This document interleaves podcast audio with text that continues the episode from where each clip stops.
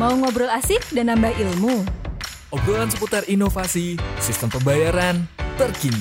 Ini saatnya kupas bersama yuk, bersama Arta Jasa. Halo Big Friends, kembali lagi di Kupas Bersama. Kali ini kita masih dengan Mas Yurdian nih. Kita masih bahas tentang bersama payment. Bersama payment tadi sudah dijelaskan ada beberapa pihak terkait gitu ya. Ada billing provider atau kita sebutnya biller, lalu ada collecting agent atau kita sebutnya CA gitu ya. Secara simpel mungkin billing provider adalah uh, perusahaan-perusahaan yang memang memiliki tagihan-tagihan nih yang harus dibayarkan oleh pelanggan atau customer-customernya mereka. Tapi itu bisa dibantu dengan cara kita bekerja sama dengan collecting agent di mana collecting agent ini memiliki titik yang lebih banyak dan mereka bisa membantu nasabah untuk memilih nih kemudahan sesuai lokasi atau domisili tempat tinggal mereka. Nah, Mungkin kita akan coba bahas lebih dalam lagi nih Mas Yur tentang arta jasanya gitu ya. Tadi mungkin kalau kita sudah jelasin kita sebut beberapa collecting agent gitu ya. Sekarang mungkin hmm. lebih ke arah billernya gitu atau nanti dengan skema-skema baru arta jasa apa sih yang disiapkan arta jasa gitu ya. Karena hmm. kita tahu juga sekarang billing provider pun melakukan evolusi gitu ya, bukan hmm. hanya collecting agent yang berevolusi. Hmm. Nah, uh, kalau kita tahu nih kalau kita lihat ya gitu ya mungkin di uh, websitenya Arta Jasa juga itu beberapa hmm. biller besar ya kita sudah uh, bekerja sama gitu ya hmm. mungkin dari multi finance dari top top duanya lah ya kita bisa bilang hmm. udah bekerja sama dengan Arta Jasa lalu energi kayak PLN hmm. PGN juga sudah ada gitu nah apa sih strateginya Arta Jasa nih untuk mungkin biller-biller yang transaksinya jumlah pelanggan atau transaksinya tidak sebesar mereka nih Mas Yur? Segmen biller itu berbagai macam ya. Uh, jadi ada biller yang memang uh, kayak tadi kita ngomongin telco, multi finance itu biller dengan skala besar. Tapi trennya memang biller-biller ke sini itu skalanya makin long tail lah istilahnya. Kecil hmm. tapi banyak gitu ya yeah, kan. Yeah. Nah, memang kalau solusinya kita memang sediakan harus dengan pendekatan yang berbeda nih Mas hmm. Rizky bukan seperti biller-biller yang uh, tadi saya sebutkan kalau untuk biller-biller long tail kita sudah siapkan solusinya hmm. udah solusinya namanya bersama billing Mas Rizky jadi okay. sebenarnya dengan bersama billing ini uh, harapannya meminimalisir effort maupun cost untuk satu biller bergabung ke sistem pembayaran jadi kita nyebutnya di bersama billing itu bisa implementasi secara instan lah bahasanya, hmm. bisa uh, dengan cepat dan murah gitu.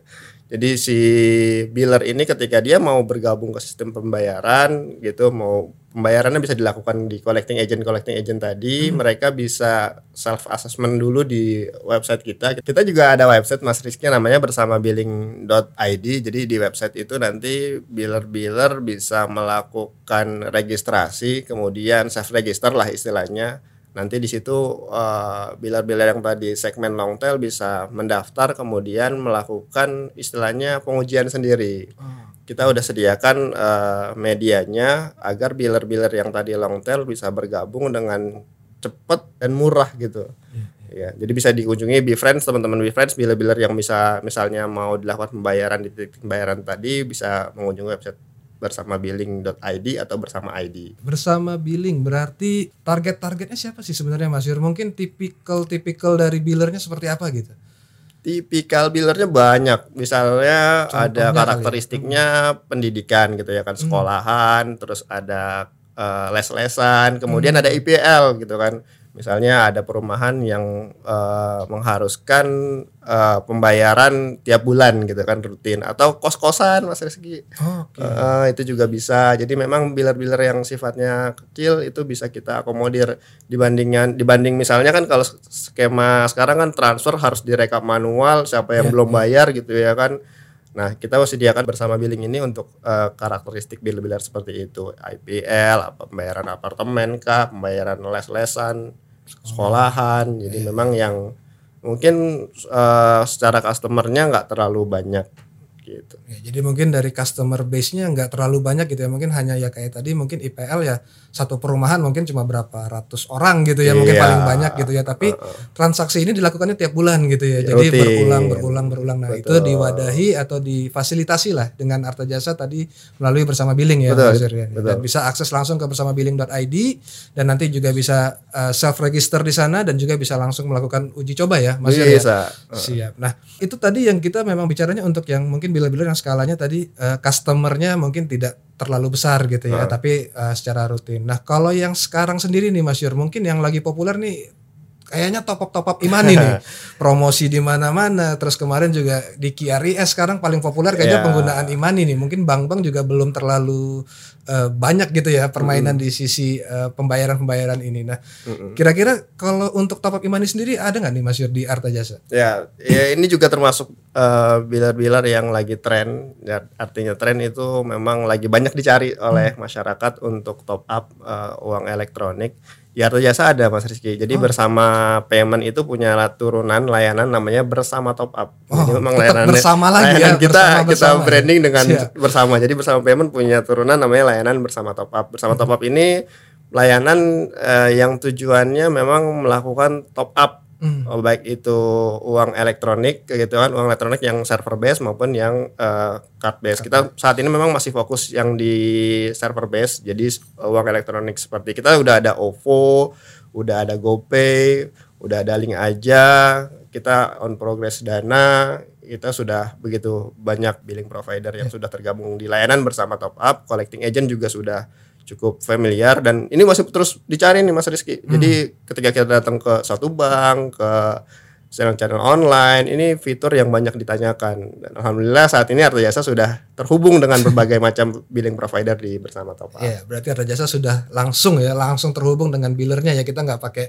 istilahnya kita nggak pakai channel-channel lain lah ya. Jadi Iya. secara resmi dan nanti juga mungkin tercatat resmi juga gitu ya. Lebih enak Iya, di sisi iya. bank.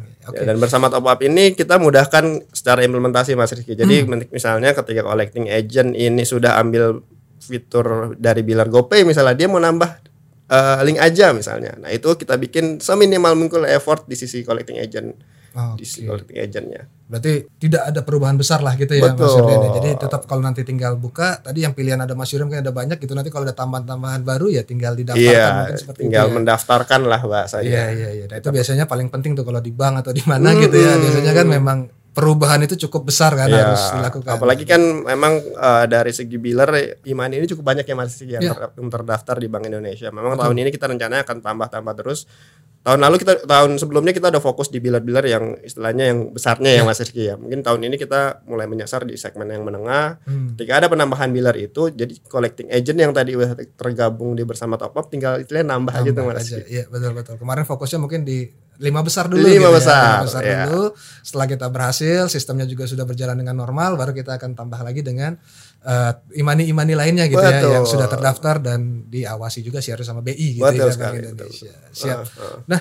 eh, tadi kan udah masalah top up, sudah bersama billing. Nah, yang aku mungkin menarik lagi yang baru-baru apa nih Mas? Yang kira-kira yang lagi tren-tren saat ini yang dicari-cari orang gitu. Yang baru itu ada layanan namanya Signal Mas. Wah. Signal. Pernah Apa coba nggak Signal? Saya kayak pernah dengar tapi mungkin Pernah coba ada. dijelasin dulu India. Saya takut salah ngomong. Ah, jadi Signal itu layanan na- singkatan dari Samsat Digital Nasional. Kalau udah dengar kata Samsat pasti tahu lah ya untuk bayar apa ya.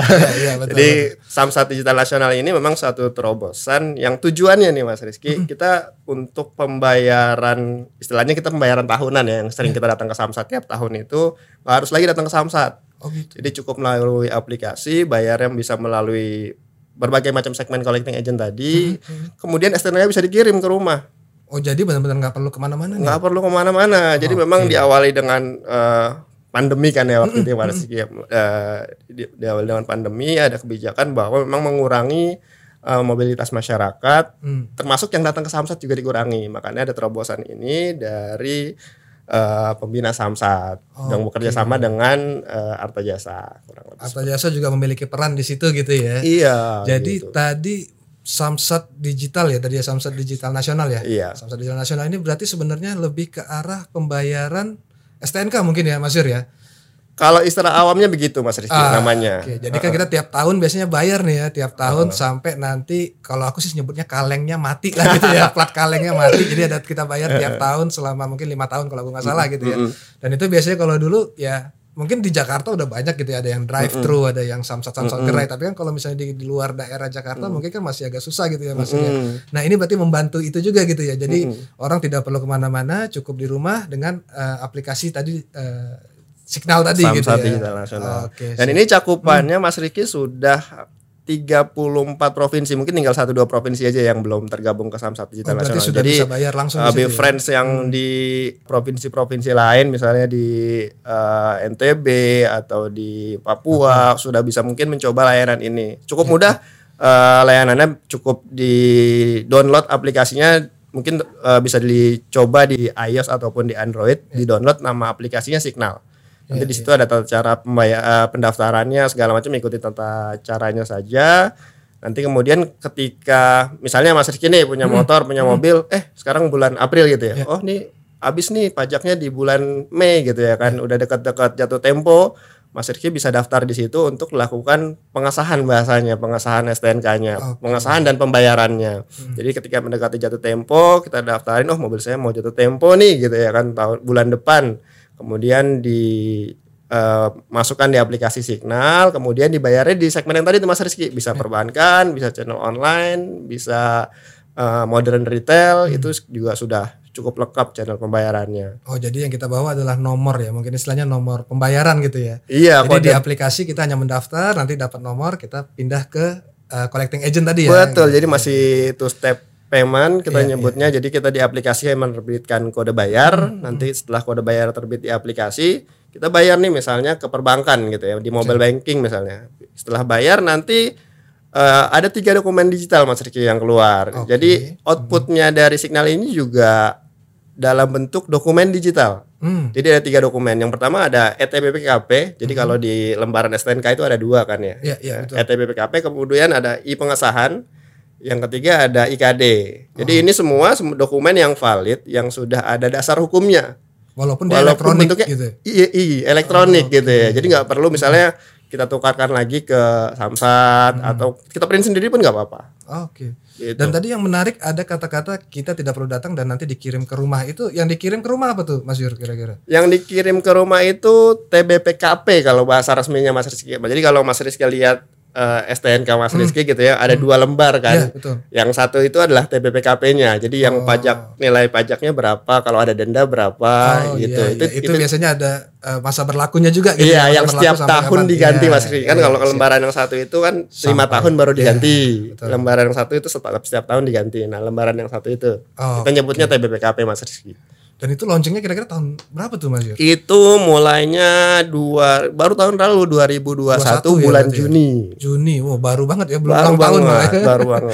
Iya iya baik baik. Jadi memang Arta Jasa pun yang terbarunya ini eh, mungkin nggak bisa kita bilang ini sangat membantu juga gitu ya dengan layanan pembayaran tidak perlu ke mana-mana bisa online eh, bukti pengesahan juga bisa dikirim langsung gitu ya. Jadi memang eh, Arta Jasa pun berperan nih dalam kegiatan-kegiatan sehari-hari tahunan yang mungkin dirasa masyarakat agak cukup merepotkan gitu ya kita Iya. harus ke luar rumah ngantri dan segala macam gitu Iya. ya. Dan- Ya ya oke. Apalagi di zaman pandemi gini kan kita dibatasi ya. Iya, Nah, betul. Itu itu memang sangat-sangat eh, membantu lah. Berarti tadi yang signal mungkin eh, udah kita bahas gitu ya kira-kiranya seperti apa gambarannya gitu ya dan memang eh, lebih ke arah eh, pembayaran tahunan gitu ya untuk yang kaleng kayaknya belum bisa berarti ya. Lima tahun belum. Itu memang karena ada ya, syarat apa eh, gesek ya gesek masih nomor mesin ya, eh, pihak maksudnya. polisian masih mencari teknologi yang bisa mengakomodir itulah. membantu proses itu karena memang harus Ya. divalidasi gitu ya Betul. benar nggak kendaraan ini Gesek Oke. itunya, mesin nomor mesinnya itu masih belum ada teknologi yang bisa menggantikan. Berarti sebenarnya dari Arta Jasa tadi kita udah lihat dari pemaparannya Mas Yurdian sudah banyak sekali nih dari yang tadi biller-biller yang mungkin menengah ke bawah, eh, yang jumlah customernya juga tidak terlalu besar, kita sudah bisa sediakan gitu ya dari yang bersama billing tadi. Lalu kita juga sudah eh, bukan hanya bayar tagihan nih untuk top up pun kita juga sudah bisa memfasilitasi gitu ya Betul. dengan bersama top up. Dan yang terakhir adalah contoh mungkin ini contoh realnya lah ya. Mungkin kalau dari biller-biller Arta Jasa yang lebih eh, awal-awal mungkin ya tahun-tahun 2000-an yang udah masuk kayak PGN, PLN tadi. Terus mungkin juga sekarang yang asuransi yang banyak lah ya asuransi. Dah yang besar-besar juga multi finance nah yang terbarunya adalah Signal. Karena itu membayar tagihan juga yang per tahun kita bayarkan. Nah, mungkin dari tiga itu ada lagi yang mau ditambahin nggak nih Mas Yurdian? Kalau secara tren tiga itu yang paling banyak dicari Hmm. dan memang itu sangat membantu sih Mas Rizky buat masyarakat Ya, eh, saat ini. Oke, berarti nanti kalau misalnya memang ada yang eh, ingin bekerja sama, kita bisa langsung kontak aja ke Arta Jasa gitu ya. Mungkin nanti kita akan jelaskan lebih detail nih Ya. terkait eh, kerjasamanya terkait mungkin nanti nama-nama billernya juga kita bisa sampaikan kalau dia merupakan collecting agent atau kalaupun dia biller kita bisa juga menyampaikan nama-nama collecting agent yang udah Betul. kerjasama dengan kita ya. Betul. Oke, baik. Mungkin setelah penjelasan yang cukup detail dan cukup tadi kita udah sampaikan beberapa hal juga, mungkin ada sesuatu yang ingin disampaikan nih sebagai penutup dari podcast kita ini nih. Jadi memang sesuai dengan perannya Arta Jasa ya, kita sebagai switcher eh, di sini memudahkan Mas Rizky ujung-ujungnya memang memudahkan pelanggan dalam melakukan pembayaran gitu ya kan. Tapi dalam konteks kerjasama kita memudahkan baik itu billing provider untuk eh, memperluas titik pembayarannya. Jadi mulai dari segmen yang tadi Mas Rizky cerita dari yang besar sampai yang long tail kita ada fasilitasnya. Kemudian begitu juga dengan collecting agent. Jadi collecting agent collecting agent yang membutuhkan fitur-fitur pembayaran eh, mau integrasinya mudah tapi banyak itu juga kami Arta Jasa juga siapkan solusinya. Jadi baik itu untuk billing provider dari segala, segala macam segmen dari yang besar sampai yang kecil. Kemudian buat collecting agent yang punya banyak fit, mau banyak fitur juga bisa bisa eh, berhubungan dengan Arta Jasa gitu. Kurang lebih itu sih Mas dari dari Siap. saya intinya. Ya, jadi mungkin kita uh, Arta Jasa tetaplah kita bersama-sama untuk berkembang, bersama-sama untuk saling membantu nih ya, bersama-sama membantu juga untuk masyarakat biar uh, pembayaran tagihannya jadi gampang ya. Pak. Iya, Ya, lebih jadi, simpel. Ya banyak opsi lah gitu ya, Nah, tinggal ya. nanti uh, pelanggan atau customer akan nyamannya di sisi mana, pembayaran melalui mana itu silakan dipilih. Baik, We Friends, begitu keseruan di podcast episode ke-8 tentang bersama payment Arta Jasa dan nantinya kita akan bahas lagi ke depannya terkait dengan produk-produk Arta Jasa lainnya dan solusi-solusi yang mungkin Arta Jasa bisa sampaikan pada podcast-podcast episode berikutnya. Nantikan pembahasan seru lainnya di podcast Kupas Bersama.